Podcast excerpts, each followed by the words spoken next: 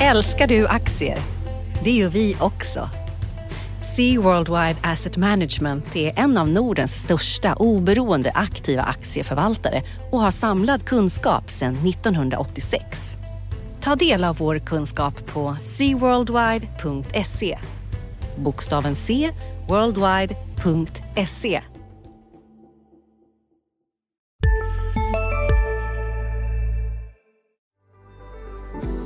IG är en globalt ledande tradingmäklare och ett solklart komplement till trading som du når enkelt via datorn eller mobilen. Via IGs pålitliga plattformar når du 17 000 marknader och kan därigenom investera globalt mot aktier, index, valutor, råvaror och kryptovalutor. Ser du en möjlighet på marknaden? Ta chansen att hoppa på den genom att ta en position med IG. Öppna ett konto på bara några minuter. Ladda ner appen eller besök ig.com. Kom ihåg att handel med finansiella instrument alltid innebär risker. ig.com Analyspodden från Dagens Industri. Hej allihopa och välkommen till Dagens Industris eh, analyspodd eh, denna valborgsmässoafton. Eh, jag heter Ulf Pettersson och med mig idag är ingen mindre än Rickard Bråse. Hejsan Rickard! Hej på dig! Hur har veckan varit? Det har varit en rapportvecka. Du har fått jobba heltid. Ja, jag brukar göra det. Eh, och eh, det gäller att springa runt och täcka in så mycket market cap som möjligt när OMX30-bolagen eh, avfyrar sina rapporter. Men jag skulle, nu, nu har det varit eh, ett par veckor här och det mesta av det viktiga i rapportväg för första kvartalet har vi väl klarat av nu så vi kanske ska försöka att eh, summera ihop det, det här liksom, vad, vad, konturerna av, eh, av den här rapportsäsongen, eller vad tror du? Ja, jag tycker det är en alldeles utmärkt idé faktiskt. Om jag ska börja då så är det ju det här. Det är ju en rapportsäsong som har varit bättre än väntat. Eh, fortsatta låga kostnader har drivit upp vinsterna en, en massa. Det är över 20 procent. Och så är det ju då en del bolag. En del bolag har liksom där, där lev, le, lever aktien fortfarande. Och så har vi haft en del bolag där, ska vi säga, eh, där det har hänt någonting, eh, kanske i bolaget också, aktiekursen. Och det kan man ju liksom diskutera. Jag tänker på sådana här som som eh, eh, Sinch exempelvis, som var liksom en rapport, eh, en riktig börsvinnare sista åren som är ner nu och där kanske sentimentet har ändrats lite grann. Och så har vi andra som har fortsatt ticka upp, Evolution Gaming och, och lite sånt där. Bankerna kanske är liksom den främsta sektorn och sådär. Och så har vi då en del andra sådana här hög P-talsbolag som kommer med bra rapporter men där aktien ändå har gått ner, Thule och BOG och sånt där. Så det finns, finns en del att snacka om. Är det någon Nokia inte minst. Nokia är ju superspännande. Är det något som, eh, något som du vill inleda med, Rickard? Jag, jag har ju följt eh, industribolagen kan man ju säga lite. Det börjar ju med Sandvik. Det var väl redan i förra veckan om jag inte missminner mig. De har ju sin eh, Machining Solutions, eller Manufacturing en Machining Solutions som det nu mer heter, som är så här väldigt Eh, konjunktursensibel del som man, ska, som man kan försöka utläsa ett och annat vart, vartåt det barkar då liksom för, för de andra industribolagen också. Men den med facit i hand nu när vi har sett hur det gick för SKF och hur det gick för Atlas och de här andra stora industribolagen så kan man ju säga att börja fundera lite på om det går så där Alltså hur bra är den som en konjunkturmätare egentligen? Alltså, eller döljs det utmaningar för Sandvik. Det känns som att de underpresterade mot vad de borde ha presterat. För den var ju ner på försäljning och flätt på eh, orderingång och sen kom ju SKF och, och, och, eh, hade, hade en hyfsat hög eh, försäljning, organisk försäljningsutveckling då i första kvartalet och de guidar för en 33-34 procents lyft i, i andra kvartalet och Atlas kan man ju inte prata om för de har ju sin de har ju sin vakuumdel som de har byggt upp via Edwards-förvärvet. Som, det var närmare 40 procents organisk tillväxt, har jag för mig nu. Eh, men de hade ju också, om du tittar det som heter industriteknik som kanske då är lite mer likt eh, den här Sandvik industridelen. Även där hade de ju, jag tror det var 13 procents tillväxt. Eh, så, så så, det går ju, det, det liksom tickar ju upp för de här olika. Igår kom Hexagon, på under torsdagen då kom Hexagon också och det blir ju lite konstigt när de säger att ah, Kina växte organiskt 73 procent. Jo, jo, det gjorde det, men i förra kvartal, alltså motsvarande kvartal förra året var det ju ner 40 procent. Så liksom tvåårs, tvåårsförändringen blir ju en, vad blir det, en 4-5 procent eller något sånt där. För att det jag säger är att när Sandviks rapport kom så kändes det som att det här kanske inte skulle bli en klang och jubelföreställning rapportmässigt. För den var ju då, ja, de två viktigaste affärsområdena missade analytikernas förväntningar på resultatet och så hade den där genomgående missar på, på både intäkter och orderingång och, och på deras industridel. Men sen har ju egentligen rapporterna, de stora industribolagen kommit in bra, men de stora lyften har ju uteblivit för placerarna har ju sprungit i förväg och handlat upp aktierna så att det har inte räckt att liksom vara okej okay eller bra utan du måste ju ha levererat något riktigt i hästväg för att, för att liksom aktierna ska gå upp. Och det är ju ett speciellt kvartal när du då du har fortfarande nedsatta kostnader för att affärsresandet är icke-existerande. Du har lätta jämförelsetal liksom på slutet liksom när, när du började få konsekvenser ifrån eh, virusutbrottet.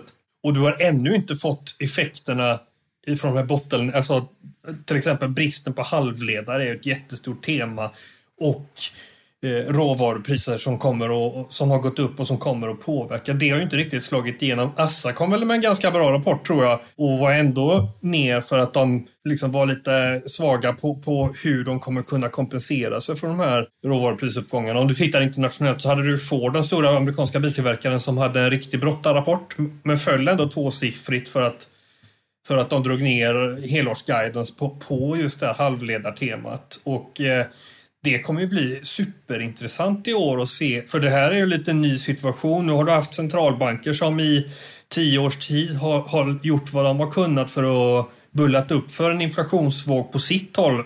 Men nu har får du någon form av gnista som kan tända liksom, prärien eller vidderna. Och då, jag tänker till exempel på en sån som Nibe, ett bolag på eh, P över 50. Jättemycket eh, koppar ska in i deras eh, produkter.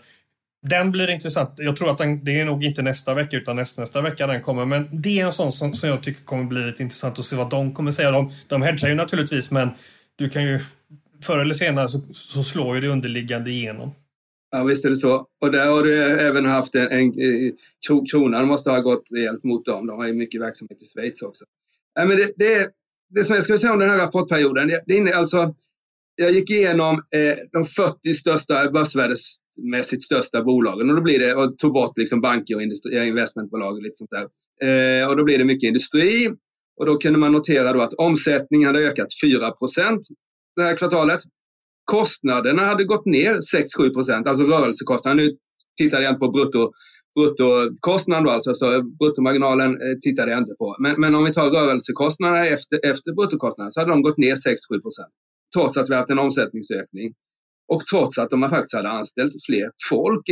Och då är det mycket kostnader runt personalen som har minskat. Resor, eh, mässor, det finns säkert en del av de här stödprogrammen. Eh, jag har inte full koll på hur de funkar i varenda land här, men det kan man tänka sig att svenska bolag har dragit nytta av, och även i Sverige. Och, där, och det är det som har drivit upp vinsterna. Det är den fantastiska rörelsemarginalförbättringen vi har sett det här kvartalet. Som inte är drivet av liksom, ska vi säga, en kraftig omsättningstillväxt eller något sånt där, utan det är ju kostnader. Och frågan är om de är uthålliga. Kvartal två kommer ju bli fantastiskt, för då jämför vi oss med liksom det sämsta coronakvartalet. Men framöver här, vi kommer ju möta Q4 kommer vi möta riktigt bra kvartal och kommer då de här kostnadsminskningarna som man har haft det här kvartalet, kommer de fortsätta hela tiden? Och det där är ju en intressant fråga. Eh, kommer vi så att säga aldrig mer åka till Hannover eller Frankfurt på industrimässor eller kommer allt, allt vara digitalt och hur, det, hur ska det då gå till?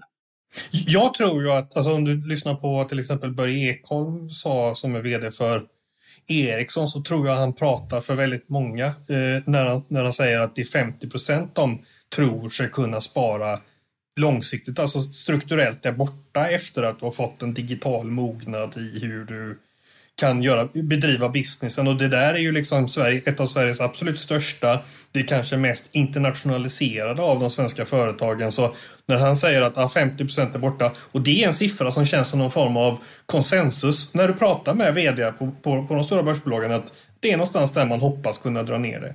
Och då blir det ju väldigt intressant, för jag skrev om Scandic här i veckan som gick hotelloperatören som ju har varit en av få väldigt utpräglade förlorare. De har ju varit liksom på konkursens rand och, och, och först räddas de en nyemission förra året och sen har de ju gjort den här konvertibelemissionen eh, precis nyligen här. De tror ju liksom att ah, men det här studsar tillbaks nu. Eh, det kommer att återgå liksom till det gamla vanliga. Jag tror ju inte att det kommer att bli så, utan jag tror ju att Scandic faktiskt konkurrera med Teams och eh, de här olika digitala lös möteslösningarna som, som, som, man har kört ett år nu och som jag tror ändå eh, f- funkar. Liksom. Så eh, Scandic, dessutom om du tittar på Enterprise Value och som du bakar ihop vad värdet på, på, på skulder ihop, räntebärande skulder ihop med räntekrävande eget kapital så, så är ju liksom den nära all time high. Det är kanske inte många som, som, som förstår det men för när man tittar bara på att aktien har gått ner mycket men, men på totalen så, så, är, så är liksom Scandic nästan på, tillbaks på där, när aktien var på, på högsta nivå någonsin för några år sedan. Så det är lite svårt att, att liksom begripa eh, ja. den aktien faktiskt. Ja, du menar företagsvärden, du lägger till skulderna och börsvärdet och får då liksom Enterprise Value så är det på toppnivå trots att det är liksom verksamheten är, är blöder. Ja, det är ungefär ner 10 procent från all time high och det är liksom tillbaks på vid årsskiftesnivån innan den här eh, eländet bröt ut. men jag tror också att, att de här kostnaderna, för man, företagen gör väl så här, de har liksom massvis av budgetar när du är någon slags gruppchef på olika verksamheter. Och sen så har du också, och det, att, att komma liksom nästa kvartal eller nästa år och liksom begära massvis av höjningar, det, det, är liksom, det tror jag inte är lätt utan när det har gått redan så här bra. Så jag tror att bolagen kommer nog, precis som du är inne på Rickard, att hålla i de här omkostnaderna. Och det, de som är förlorare då, det är ju konferenshotellen och, och, och hotellverksamheter. Lite restaurang också, även om där är väl det betydligt större privat, privatmarknad än, än, än företagsmarknad. Men, men den typen av verksamheter skulle man, jag tror jag det är, ett, det, är ett, det är ett strukturskifte som har skett här som, vi, som är så att säga varaktigt. Men resandet är ju en del. Sen har du ju själva kontorsupplägget. Eh, vi på DI har ju inte haft många mantimmar inne på kontoret senaste året och, och det, så ser det ju ut på många. Till exempel Ericsson, där pratar han också då om, om att det kommer att vara mycket mindre. Och, och det kommer i förlängningen leda till att de behöver mindre yta. Alltså om, om folk ska jobba hemma två dagar i veckan så, så, så faller liksom ytbehovet ganska mycket det är ju ingenting, det är ju ingen sån direkt kostnad som du liksom drar i en spak och så försvinner den direkt som affärsresandet gör, utan där har du ju omförhandlingar som kommer. Så att sitta och äga kontor de närmsta eh, fem åren vet jag inte om. Det kommer vara mindre lukrativt än vad det har varit. Så mycket tror jag att jag vågar säga. Ja, så är det. Så är det. Okej, okay. men äh, äh, återigen då, så du skulle säga, är, är du mer positivt inställd till äh, verkstadssektorn efter att ha läst Eh, Q1 här eller hur, hur, vad, är din, vad är din känsla? Alltså det är ju svårt att inte bli imponerad av till exempel Atlas Copco eller, eller Hexagon och så. Eh. Men, men de har, aktierna har, alltså, det är ju två olika saker om man är positiv till bolagen. Det är svårt att inte vara liksom, men hur, hur lätt är det att vara positiv till aktierna när multiplarna är på, på all time high också? Det, det, jag, tror att det kommer komma bättre läge att köpa de här namnen än vad det är just nu. Alltså om, om förra året var fokus liksom i, när man tittade på rapporterna på eh, finansiell motståndskraft och operationell motståndskraft. Finansiellt så var det ju aldrig någon utmaning egentligen för de flesta bolag. Storbolag på börsen har ju väldigt låg skuldsättning eller ingen skuldsättning alls.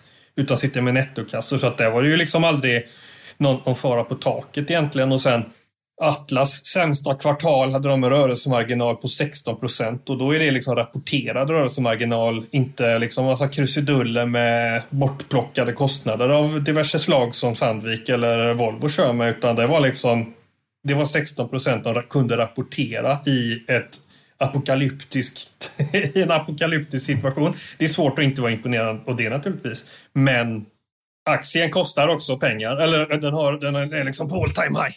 Ja, och man kan ju notera det, trots att du liksom sitter här och hyllar då Atlas rapport, eh, eh så har ju aktien, eh, är ju faktiskt aktien ner 5 den här veckan och tillhör dem då. Och det, det tolkar jag som att det var liksom hit men inte längre P talet på ett så stort bolag som, som Atlas Copco kunde gå då. För det är inte, det är liksom svårt att tänka sig att Atlas Atlas gör alla sina småförvärv och har liksom en god tillväxt, men liksom att Eh, normalt sett med P 40-45, då, är det ju liksom, då ska det ju vara eh, 20-procentiga tillväxttal i alla fall, även om vi sätter, höga, eh, sätter en låg riskpremie på börsen. Och det är ju svårt att nå när man är ett bolag som är värt 600 miljarder.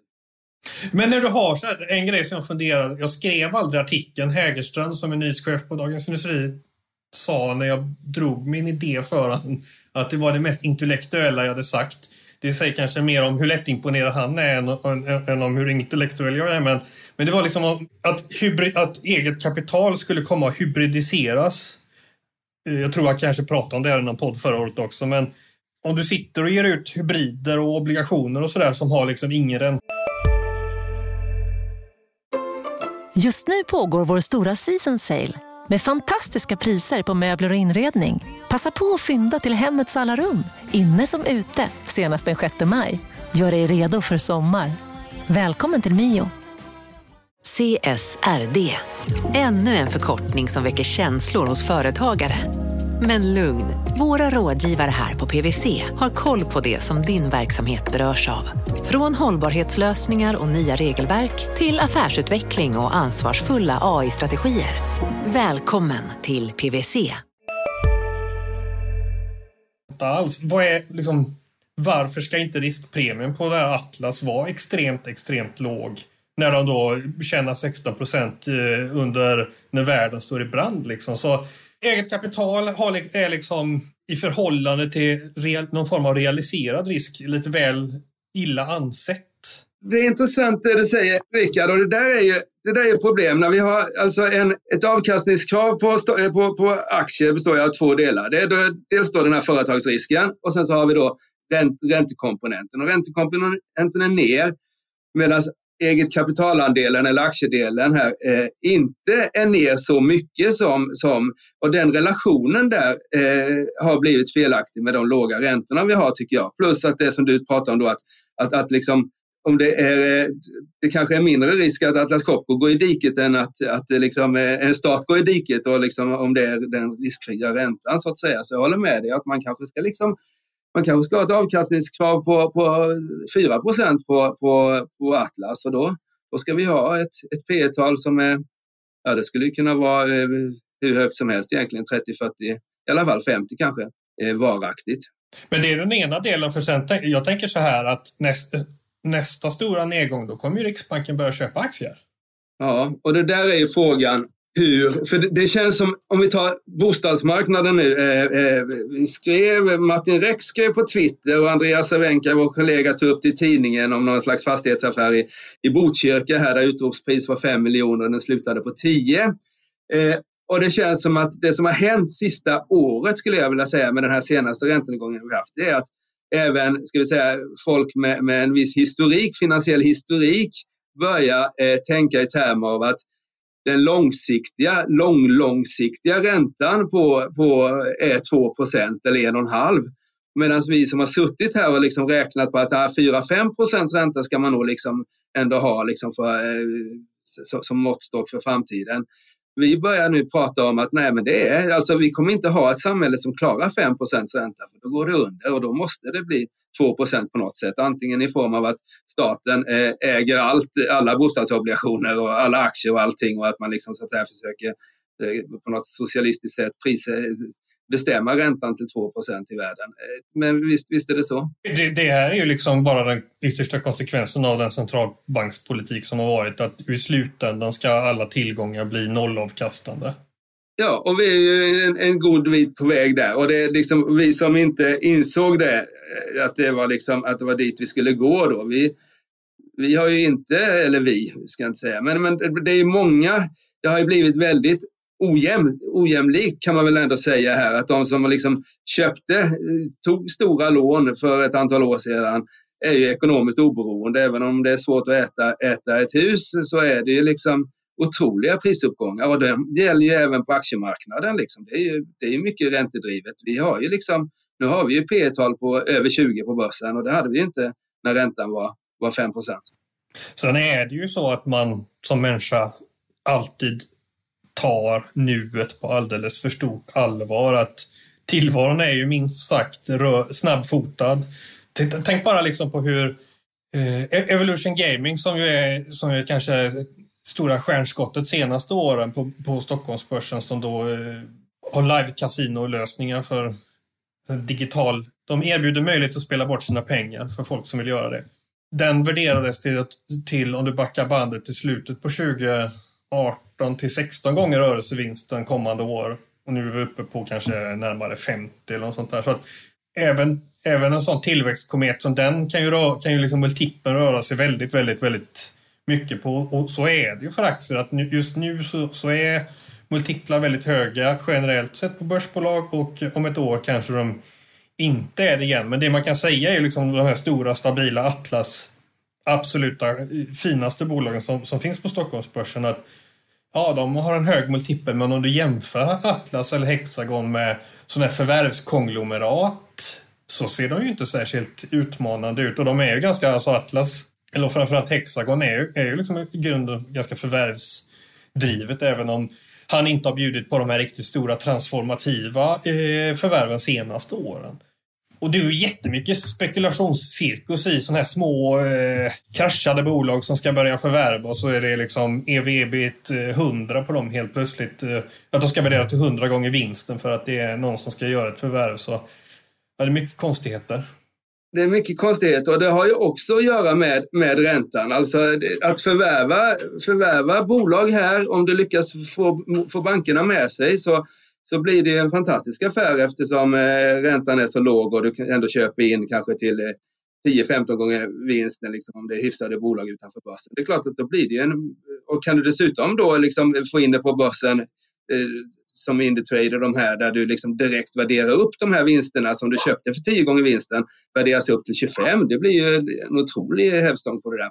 Men om vi, om vi återgår till, till Evolution Gaming och lite andra. Så det som jag sitter och funderar på under rapportsäsongen här. Vi har då det här, de här bolagen som, som så att säga där rapporten kanske ändrar tangentens riktning lite grann. Och då har vi Evolution Gaming har ju fortsatt upp så den här rapporten var ju liksom inte det, det stärkte ju åtminstone marknadens förtroende för bolaget. Men du har Sinch som är ner nästan 20 procent. var ju ett sånt här P100-bolag som där tillväxten minskade från 60 till 30 procent i kvartal. Och där kan man ju fundera på, är det liksom Ska, den där, ska det där P talet då, ska det bli en, eh, istället för en P talsexpansion som vi haft under liksom ett par, tre, fyra års tid här, ska det bli liksom en P talskontraktion och då är, det inte, då är det inte roligt att äga den där.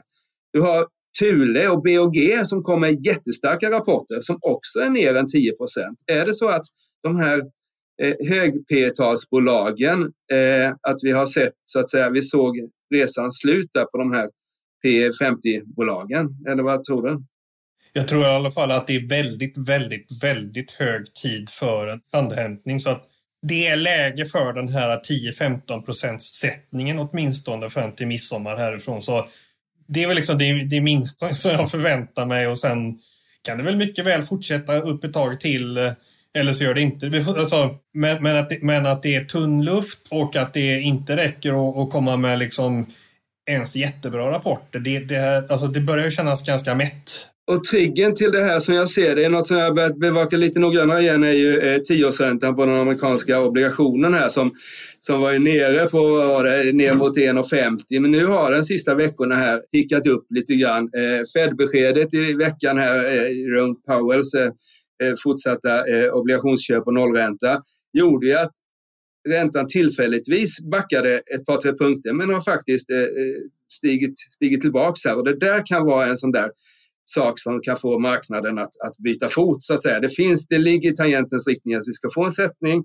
på 10-15 procent. Vad ska, vad ska utlösa den? Jo, att räntan kanske går från 1,65 till 1,85 eller 1,95 och sådär. Så den där skulle jag, jag, skulle jag vara kortsiktig på marknaden så skulle jag liksom bevaka den där ränterörelsen. Bra! Vi har pratat. Är det någonting som vi har glömt att prata om tycker du? Conny Ryk tycker jag vi har glömt att prata om. Vi måste alltid prata om Conny Ryk. Vad har han hittat på den här, den här veckan? Har han gjort någonting? Nej, han behöver inte göra så mycket utan det, det de, de riktiga de riktiga storfräsarna behöver inte göra så mycket utan marknaden gör jobbet åt dem. Och man kan, i, I veckan så var Wesk, som det gamla kraschade klädbolaget heter, och de är på väg att byta namn till Vestum. Det är ett av de här förvärvskonglomeraten, eller begynnande förvärvskonglomeraten. De har egentligen bara gjort tre stycken förvärv sen kursomläggningen gjordes för ett par månader sedan. Den var ju uppe på eh, aktien var uppe på ny all time high. Så om du, som du räknar med alla aviserade nyemissioner så var ju börsvärdet den över 6 miljarder, någonstans mellan 6-7 miljarder och värderades det till 120 gånger proforma ebita rörelseresultatet, alltså det de säger. Och då ska man veta att ett av de här förvärven, jag har tittat lite på det, här som heter Rosenqvist Entreprenad, deras rörelseresultat ser ju jätteboostat ut på 2020 års siffror som är den de har plockat fram. Som, den sticker ut jättemycket från historiken. Så det är ju ett problem som kan uppstå. Alltså, om, du, om du har väldigt många sådana här som ska göra förvärv och du har ett år där du har som är lite så exceptionellt där, du har, där vinsterna kan, kan liksom friseras eller vad man ska säga, där de sticker ut i rätt, i rätt riktning och så säljs det och sen så kommer det ett bakslag så kommer det ju många av de här äh, klappa ihop ganska ordentligt. Och det blir ju superkonstigt i de här små Stockvik finns det ett som heter, eller Wesk, där det mest värdeskapande du som styrelse kan göra blir egentligen att försöka hitta... Alltså det, det, skulle vara, det skulle vara direkt dåraktigt av dem att inte försöka jaga rätt på den dåre som är beredd att ta en nyemission på väldigt, väldigt, väldigt, väldigt eleverade nivåer. Alltså det blir det, det blir, och då får du, då, då sitter du där och leker kedjebrev egentligen bara. Men, det, men om vi tar Wii då, eller Wesk eller vad vi säger, det var ett gammalt klädmärke, eh, lite sådär hiphop-klädmärke ett tag.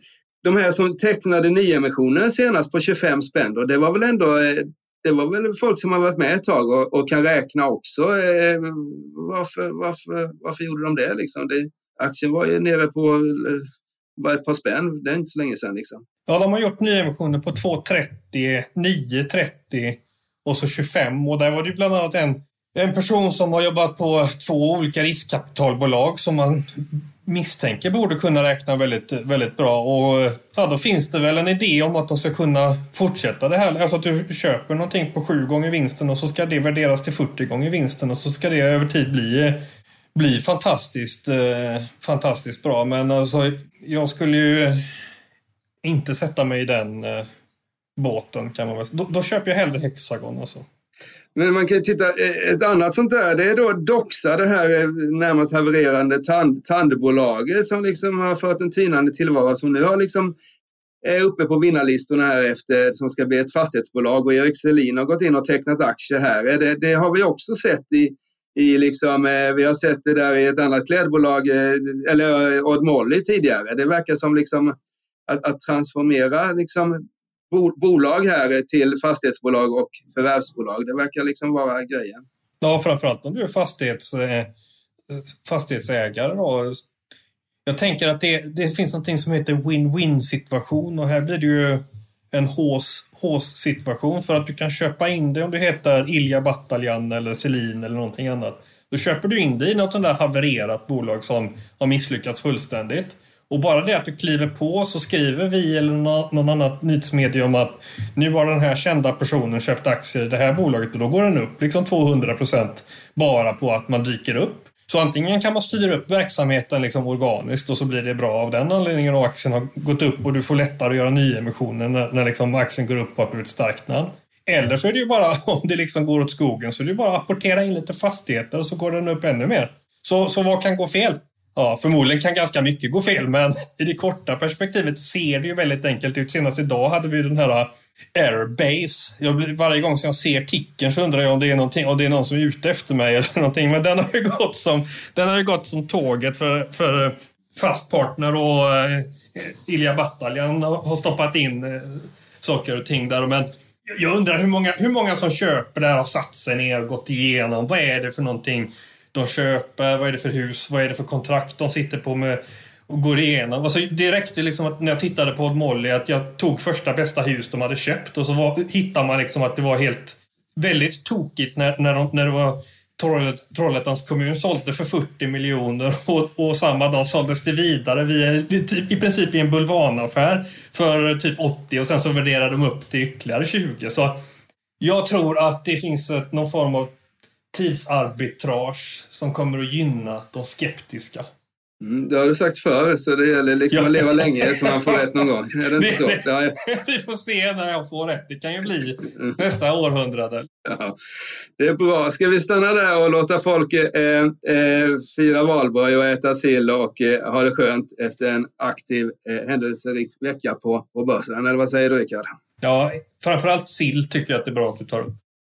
Det gör jag så gärna en favoriträtt. Det är bra. Tack ska ni ha för att ni lyssnade på Analyspodden med Dagens Industris eh, analysredaktion. Och när ni har lyssnat klart på oss och undrar vad vi egentligen pratade om så får ni gärna gå in och lyssna på våra andra poddar. Och då har vi ju ett gäng nu för tiden. Vi har eh, makro, Makropodden, eh, Munkhammars makropodd. Vi har en daglig podd, vi har Digitalpodden eh, och vi har vår analyspodd som precis du har lyssnat på just nu. Ni får ha en skön helg och eh, tack från oss. Tack, hej! Tack och hej! IG är en globalt ledande tradingmäklare och ett solklart komplement till trading som du når enkelt via datorn eller mobilen. Via IGs pålitliga plattformar når du 17 000 marknader och kan därigenom investera globalt mot aktier, index, valutor, råvaror och kryptovalutor. Ser du en möjlighet på marknaden? Ta chansen att hoppa på den genom att ta en position med IG. Öppna ett konto på bara några minuter. Ladda ner appen eller besök ig.com. Kom ihåg att handel med finansiella instrument alltid innebär risker. IG.com Analyspodden från Dagens Industri. Programmet redigerades av Umami Produktion. Ansvarig utgivare Peter Fellman.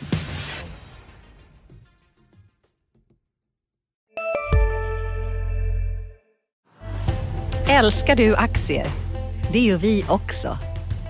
C Worldwide Asset Management är en av Nordens största oberoende aktiva aktieförvaltare och har samlad kunskap sedan 1986.